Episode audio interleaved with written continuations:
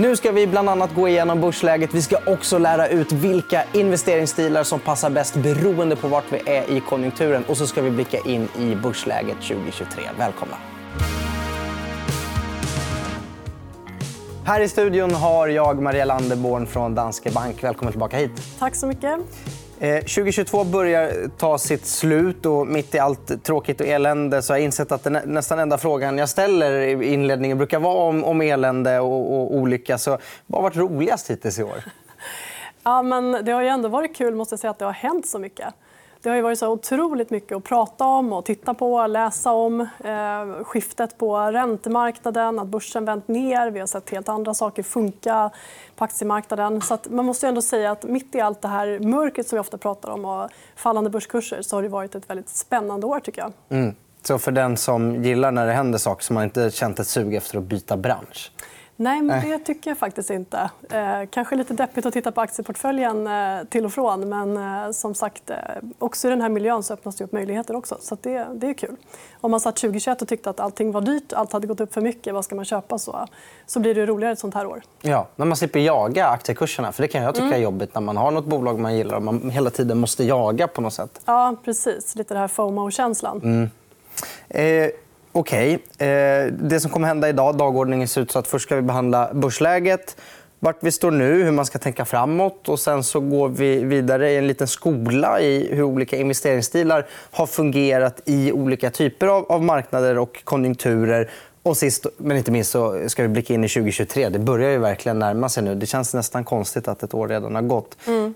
Allra först, Maria, så tänkte jag visa en liten film. Kolla här. Spännande. Så absolut. Jag, jag, tunn luft och stora börsras det ser jag inte. Men absolut att det är mindre medvind för aktier i år. Det gör jag. Ja, det här är alltså från i februari. Det har hänt ganska mycket sen dess. Men du var ändå inne på att det skulle inte vara samma medvind för aktier i år som förra året. Mm. Det blev det ju, kan man ju lugnt säga så. Ja, blev det som du har tänkt dig? Nej, men det blir det väl aldrig. Eh, och eh, det kanske blev mer dramatiskt än vad jag hade tänkt mig. Framförallt med tanke på det som hände på räntemarknaden. För jag tror att när vi satt där i februari, nu vet jag inte exakt när i februari vi spelade in det där. Ganska tidigt tror jag. Ja, och då hade vi fortfarande inte sett den här riktiga utsvängen i penningpolitiken. Man hade börjat prata lite om kanske någon räntehöjning vid horisonten i USA. Möjligen att Riksbanken skulle göra någonting så småningom. Eh, men allt det där låg liksom väldigt långt fram i tiden fortfarande. Och sen på bara några månader så satt vi plötsligt med liksom kraftiga räntehöjningar i korten och prognoser som bara skruvades upp, upp, upp och börserna föll. Så att det blev ju inte riktigt som jag tänkte mig. Men däremot så tycker jag att om man tittar på 2021 så hade vi liksom ett, ett fantastiskt börsår. Det gick bara upp. Ett globalt index var inte ner mer än 5 någon gång. utan Rekylerna blev korta. Det var bara köp dippen och så var det vidare upp. Och väldigt stöd från penningpolitik med låga räntor och stora obligationsköp och likviditet. Eh, så att, att se att liksom den där kurvan som bara spikade uppåt på aktier, och bostäder, kryptovalutor och allting, att den skulle lugna ner sig eh, hade vi ju väntat oss. Och det, det hade jag tänkt mig. Men kanske inte riktigt den här dramatiken. Nej. Eh, det känns nästan lite skönt att vissa saker har lugnat ner sig också. Nu har ju ändå börsen kommit upp en del sista veckorna veckorna, månaden. Mm. Så, så att, eh, om man ska vara krass så är det så att till exempel den som har varit investerad i OMXS30-index i år... Mm. För om den tittar på sin årsutveckling så syns det kanske inte riktigt någon krispanik där. Eh, sen så finns det om man har investerat i mindre grejer, och tech mm. och tillväxt, då syns det en krispanik. Men, men nu har vi studsat upp lite. Är det ett bear market rally som är huvudscenariot på den här studsen? Eller vad, vad tänker du om den studsen? Ja, alltså vi tror ju inte riktigt att vi är klara med den här börsoron än. Utan mycket av det vi har sett nu har ju varit drivet av stigande räntor och att vi har sett en, en omvärdering av aktier och framförallt då, Eh, tillväxtaktier där vi har mycket vinster i framtiden som påverkas mycket med högre diskonteringsräntor. Men det vi ännu inte har sett det är ju kraftigt nedjusterade vinstprognoser och det som följer med en, recession som vi troligtvis får under 2023. Så den turbulensen ligger fortfarande framför oss. Sen kanske det dröjer lite grann innan det där börjar synas. Men jag tror att 2023 också, åtminstone någon gång under första halvåret också kommer bjuda på en del eh, kursrörelser på nedsidan eh, när prognoserna börjar skruvas ner. Jag tror att bolagen kommer börja prata mer om vad de ser för någonting i sina böcker eh, framåt och att det kommer kunna sätta ny press på aktiemarknaden. Så jag, jag, ser inte att det bara ska fortsätta uppåt härifrån. Utan det är nog ett tillfälligt rally. Det var väldigt pressat i höstas och så har vi sett räntorna komma ner lite grann. Så, där, så att, eh, det är nog mycket det som drivit det. Mm. Man pratar ju mycket om att det i princip är garanterat att vi är på väg in i en lågkonjunktur eh, konjunktur eller recession. Eh, någonting som inte har kommit riktigt än heller och som kanske då inte än så länge syns heller i aktiekurser det är ju arbetslöshet. Mm. Eh, I USA är arbetsmarknaden fortfarande, fortfarande urstark. I Sverige så är det också ändå rätt hyggligt fortfarande. Det har inte kommit några ma massuppsägningar eller liknande. Visserligen lite så branschberoende i just mm. kanske då olönsam tillväxt, tech Eh, idag såg vi, vi spelar in på, på en onsdag, här, ja, det mm. släpps på en måndag, här programmet troligen, eh, att H&M säger upp lite folk. Men fortfarande, det, arbetsmarknaden ser ju rätt okej ut. Ja, precis. Det här är ju fortfarande på marginalen. får man ju säga att Det händer saker som visar att det finns problem i vissa branscher. Vi har sett inom retail till exempel som har märkt av att konsumenterna lagt om sina konsumtionsmönster. Och så där. Ehm, men jag tycker att om man tittar på USA då, så syns det ändå tydligare att någonting är på väg att hända. För där har vi de här stora techbolagen som har varslat eh, mycket personal.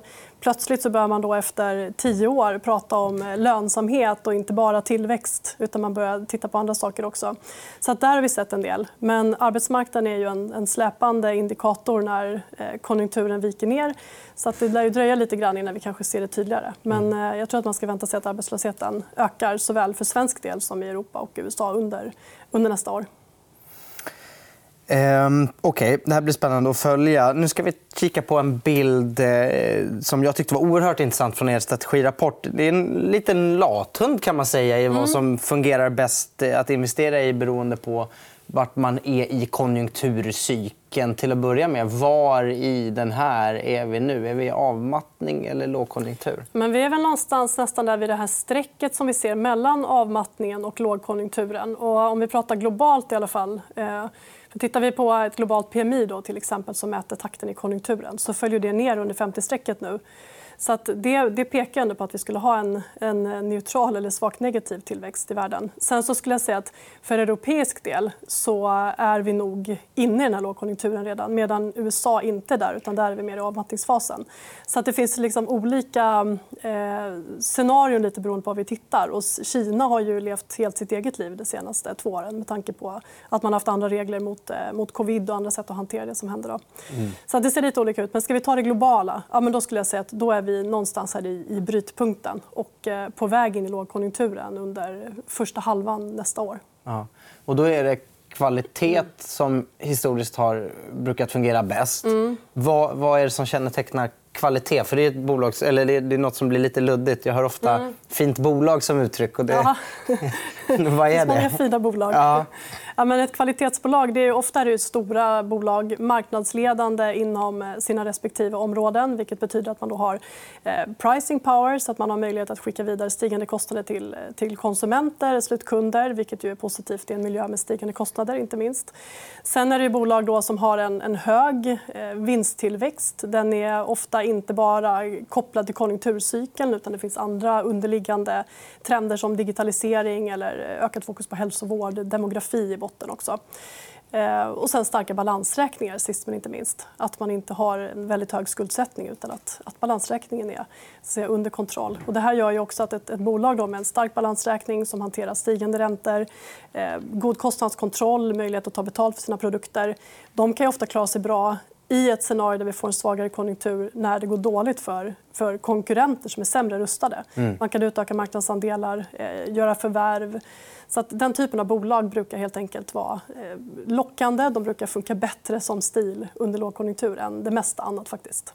Har du några exempel på bolag som ofta brukar läggas in i den här kategorin? Ja, men ska, man, ska man titta, jag sitter ju mycket med det globala. Så jag gillar ju att ta mer kanske globala företag. Då. Men tittar man i USA till exempel så har vi faktiskt ett helt gäng av de här stora teknikbolagen som faktiskt kvalificerar in där. De drivs av digitalisering, ökad onlinehandel. Eh, vi har ju bolag som, som Apple, Microsoft till exempel eh, som är så tydliga exempel på kvalitetsbolag med hög, hög vinsttillväxt som drivs av andra faktorer. Marknadsledande. Mm. Vi tar och tittar på den igen och så kikar vi. för Jag gillar ju också att blicka framåt vart man är på väg någonstans. Eh, för att när vi sen är klara med lågkonjunkturen och vi hoppas att den inte varar allt för länge, Mm. då vill man ju gärna vara snabb på bollen också och börja positionera sig för återhämtning. För det gäller att ligga lite före här också kan jag tänka mig. Börsen blickar ju framåt. Mm. Och den handlar ju gärna på det som händer om nåt halvår. Eller, eller så. Så att man ska inte vänta tills lågkonjunkturen är slut innan man börjar titta på vad man ska göra härnäst. Utan ofta så har ju börsen gått svagt inför, alltså när man börjar vänta sig lågkonjunktur och sen så också under första delen. Men vändningen på börsen den tenderar att komma när det fortfarande ser så här riktigt, riktigt surt ut konjunkturmässigt. Men ungefär när man ser så här, okay, det har bara blivit värre och värre och värre. Nu kan det nog inte bli mer illa än vad det redan är. Nej. Då börjar ju börsen tänka så här, okay, kan det inte bli värre, då kan det bara bli bättre. Och sen så går börsen upp. Ja. Om man ska hårdra lite grann. Och då, då ska man ju börja titta mer på... Eh, dels har vi utdelningsbolag där. Vi har också eh, värdebolag, så lågt värderade bolag eh, men mer cyklisk tillväxt som kommer av ökad tillväxt i ekonomin. Typ ökad till... viss typ av verkstad, Ja, bland Eh, annat. viss typ av verkstad. Precis. Eh, Till värde, om man tittar på värdebolag så har vi ju så råvaror, eh, eh, hela materialsektorn, vi har industri, verkstad och så vidare. Mm. Och på utdelning brukar telebolagen dela ut ganska mycket, bland annat. Ja, det gör de ju också. Och de, har ju, eh, de har ju även en, alltså en defensiv eh, karaktär. Får man säga. Eh, Så det finns ju, en många aktier är ju lite av, eh, av flera olika stilar. Så att det är inte alla som bara går att kasta in i en kategori heller. Ja, Det är, det är bra veta också. Mm. Att det inte finns, alltså, men det här är ingen exakt vetenskap heller. Exakt vilka som landar under vilken kategori. Och vissa landar ibland lite under en eller två. I vissa fall kanske till och med tre kategorier. Ja, men precis. Man kan ha drag av flera saker. Ja. Eh, vilket gör det till en spännande dimension. Okej, men det, då vet man också ungefär vad man ska leta efter när, när man vill börja positionera sig för återhämtning också. Ja, precis. Och då kan man även titta på eh, mindre bolag. Alltså småbolag tenderar att ta mer stryk när sentimentet är surt. och så där. Men sen så går de ofta bra när riskaptiten ökar och eh, det tar fart igen. Så då kan man även titta på att gå kanske från större bolag och titta på mer småbolag igen också. Okej, nu går vi vidare och blickar lite in i 2023. Det är Mm. det bästa jag vet, framtiden. Eh, först och främst, ni, i den här rapporten då, som jag läste så är ni underviktade börsen generellt, Mm. eller undervikt, underviktade aktier. Eh, f- finns det någon marknad ni gillar mer än andra i det här? Då, om ni måste välja tänker regioner? Ja, men vi har fortfarande en övervikt i USA. faktiskt. Och, eh, om man tittar på den amerikanska marknaden så tog den ju väldigt mycket stryk under våren. Och det var ju mycket den här ränteuppgången som slog mot de här eh, alla högt värderade tillväxtbolag som, eh, som kanske blev lite för dyra under pandemin. Sen fick vi bakslag både med stigande räntor som pressar ner värderingarna men också att vi går lite från det digitala beteendet som vi la oss till med. När vi äntligen får gå ut och shoppa och resa och så, där, så har vi valt att göra det faktiskt i ganska hög grad. Jag var i en galleria i söndags och jag tänkte men herregud, har folk inte hört talas om e-handel? Det var helt fullt. Helt fullt. Ja, ja, då tajmade du i och för sig Black Weekend. Så Japp. det var, det var Japp. mycket folk. Och löningshelg. Ehm, Ehm, men precis. Nej, men så att, eh, då tog USA stryk. Men om man tittar framåt nu då, om man tror att vi har majoriteten av den här ränterörelsen bakom oss, så att räntorna kanske har eh, toppat ut nu under hösten, så kommer det ge lite mer stöd eh, framåt. Sen så om man tittar också på den amerikanska ekonomin, som vi var inne på tidigare. USA ser ju relativt stark ut med låg arbetslöshet. Vi ser löneökningar som gör att vi inte har samma smäll mot reallönerna som vi har i Europa. Amerikanerna har fortfarande buffertar från pandemin. Man fick ju fler checkar utbetalda och generösa arbetslöshetsersättningar. Och det där har man fortfarande kvar en del av, vilket också gör att man har fortfarande pengar att, att konsumera för trots, trots inflation och hot om, eh, om tuffare tider. Sen är det lätt att få jobb också. Det finns betydligt fler lediga jobb fortfarande än vad det finns arbetssökande amerikaner. Och det gör ju också att man får ett, ett självförtroende såklart att fortsätta konsumera. Mm. Jag påpekade det i ett program vi spelade in i samma kanal för någon vecka sedan. Att, eh, jag var i New York och sprang maraton och på varenda snabbmatsställe så står det “Help wanted”. Och De lovade bonusar om man rekryterar en vän och allt möjligt för att det är svårt att hitta folk fortfarande. Ja, precis. Rätt talande. Ja, ja men det är ju det. Så att amerikansk ekonomi är som relativt stark. och sen som sagt den här, eh, liksom, hotet mot tillväxtbolagen kan ju ha minskat något. Då. Eh, sen också, vi pratar om kvalitetsbolag. Och just, tittar man på ett globalt kvalitetsindex så är drygt 75% av det utgörs av amerikanska bolag. Så att majoriteten av alla, amerikanska, eh, av alla kvalitetsbolag globalt finns i USA. Så att fokuserar man just på den amerikanska marknaden så får man mycket eh, kvalitet automatiskt i, i portföljen. Då. Och det är också en bidragande orsak till att USA brukar gå bra när det är lite tuffa tider och lite svagt risksentiment. Och vi, vi tror att det kan funka framåt också. Nu ska vi ta och kika på en omröstning. Jag eh, ställde frågan till eh, Finanstwitter vad de tror om börsen 2023. Och här var det eh, en klar övervikt åt det optimistiska hållet. Det som, det som flest trodde på det var att vi skulle upp 10% eller mer. Och det som näst flest trodde på det var att vi skulle upp 0-10% Så att båda de positiva alternativen var klart mer populära än de negativa. Det var faktiskt över 1500 som svarade på den här. Så ändå ett rätt mm. intressant underlag även om det då är, är såklart folk som är väldigt aktie och börsintresserade som har svarat. Hade du tippat att det skulle sett ut så här om du fått gissa på förhand? Eh, ja, men alltså, jag tror ändå att folk brukar vara ganska optimistiska. Nu, nu tänker man att vi har det här sura börsåret bakom oss. Vi kollar in i 2023 och, och hoppas och tror att det ska bli lite bättre. Över tid så brukar faktiskt börsen gå upp också. Och jag skulle väl, om jag Eh, om jag skulle rösta här så skulle jag kanske ändå sälla mig till eh, de som är lite mer optimistiska. Kanske inte under första halvan. Jag tror som sagt att det kan bli stökigt igen. Eh, och vi har ju en underviktig aktie. Men någonstans är ju nästa steg ändå att vi eh, ska ta upp lite aktievikt igen. Och eh, det tror jag att det kommer bli läge att göra någon gång under 2023. Och sen när återhämtningen väl kommer, då, apropå det här med konjunkturcykeln så brukar aktier ge den absolut bästa avkastningen under den här återhämtningsfasen. Så att får vi se den då ta fart under 2023 så kan vi också få se en ganska kraftfull vändning på börsen som mm. förhoppningsvis gör att den ändå kan sluta på plus. Ja, och, och, som vi pratade om tidigare, det gäller ju att hinna börja vikta om innan mm. börsen börjar vända. För Börsen börjar prisa in en vändning i, i konjunkturen innan vi ens har sett någon vändning i konjunkturen. Exakt. Ja. Precis. Så det är det som gör timingen lite svår och att det, är lätt att hamna efter kurvan och hålla på att jaga marknaden. Precis som vi ja. pratade om i början. Att man, eh, man ligger fel en gång och så ska man försöka jaga ikapp det där.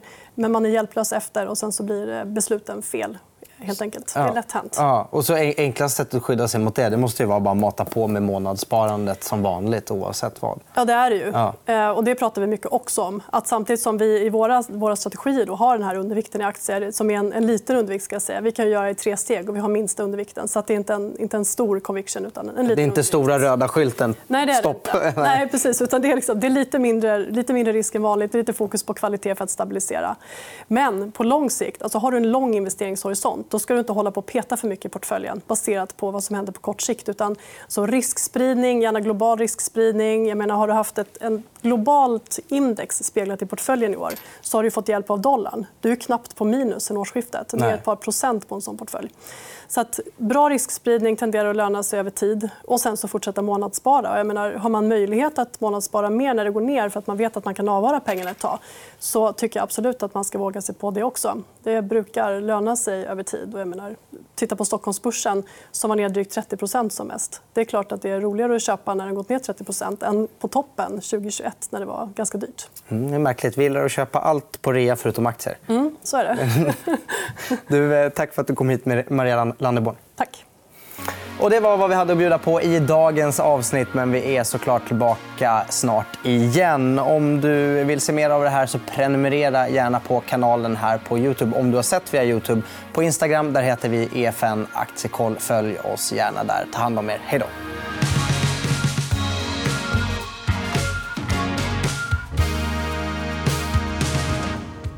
Lyssnat på EFN Marknad. En podd av EFN Ekonomikanalen. Mer om ekonomi och aktier finns på efn.se.